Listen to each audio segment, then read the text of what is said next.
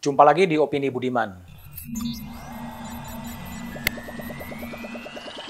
Satu hal yang menarik dan juga lagi viral adalah pembelaan dari Menteri Sosial Juliari Batubara yang dalam pembelaannya dia meminta agar majelis hakim membebaskan dirinya dari dakwaan korupsi.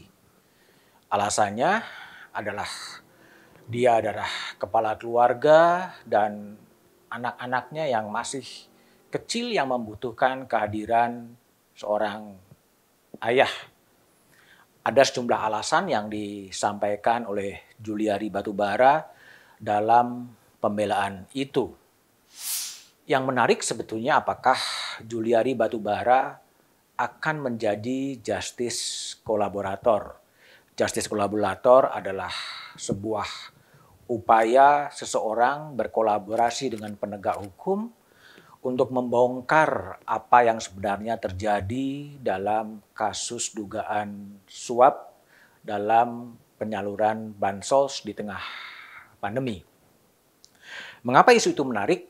Karena sebelumnya Ketua KPK Firly Bahuri di depan Komisi 3 DPR pernah mengatakan bahwa siapa pun dia tidak pernah ragu untuk menuntut mati bila ada tersangka korupsi yang mencoba memainkan dana bantuan sosial.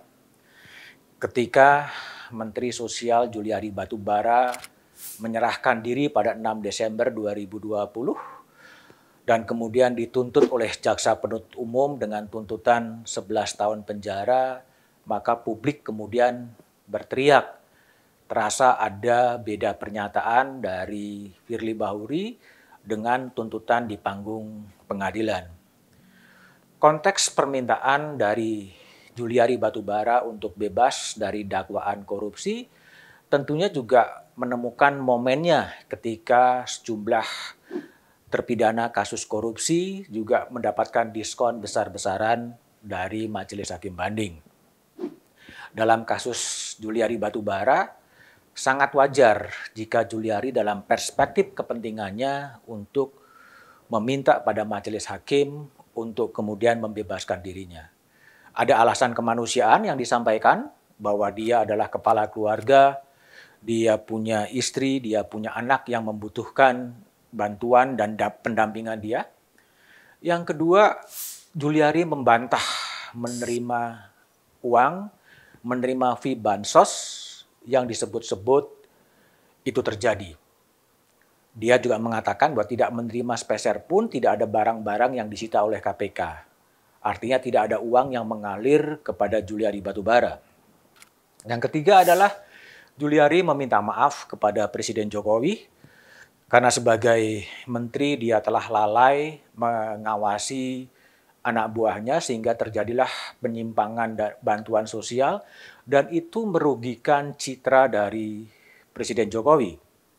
Yang keempat, Juliari juga meminta maaf kepada Ketua Umum PDI Perjuangan Megawati Soekarno Putri karena keterlibatannya dalam kasus korupsi ini tentunya akan membawa PDI Perjuangan dalam posisi yang tidak mudah dihadapkan pada hujatan-hujatan, dihadapkan pada kritik dan uh, kecaman-kecaman terhadap PD Perjuangan. Untuk itulah kemudian Juliari meminta maaf kepada Presiden Jokowi dan Megawati Soekarno Putri. Yang menarik adalah tidak ada permintaan maaf kepada publik Indonesia.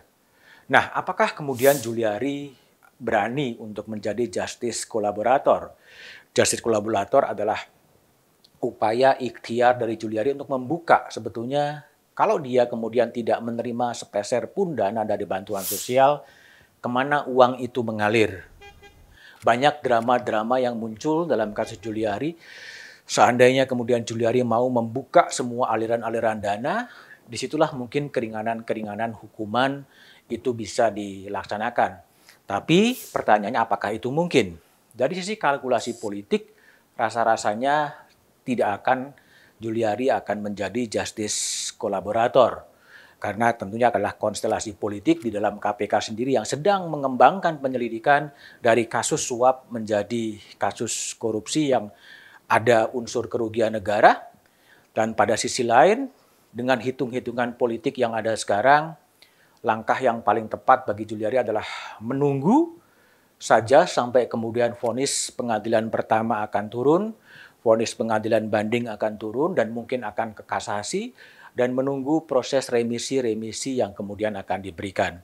Nah, keinginan bebas dari Juliari adalah hal yang wajar dalam konteks subjektif kepentingan Juliari, tetapi langkah-langkah membongkar ke mana uang itu mengalir tentunya ini menjadi sesuatu yang menarik. Apakah itu akan dilakukan oleh Juliari Batubara, apa dilakukan oleh KPK, tentunya sepenuhnya tergantung kepada proses penyelidikan yang sedang dilakukan oleh Komisi Pemberantasan Korupsi.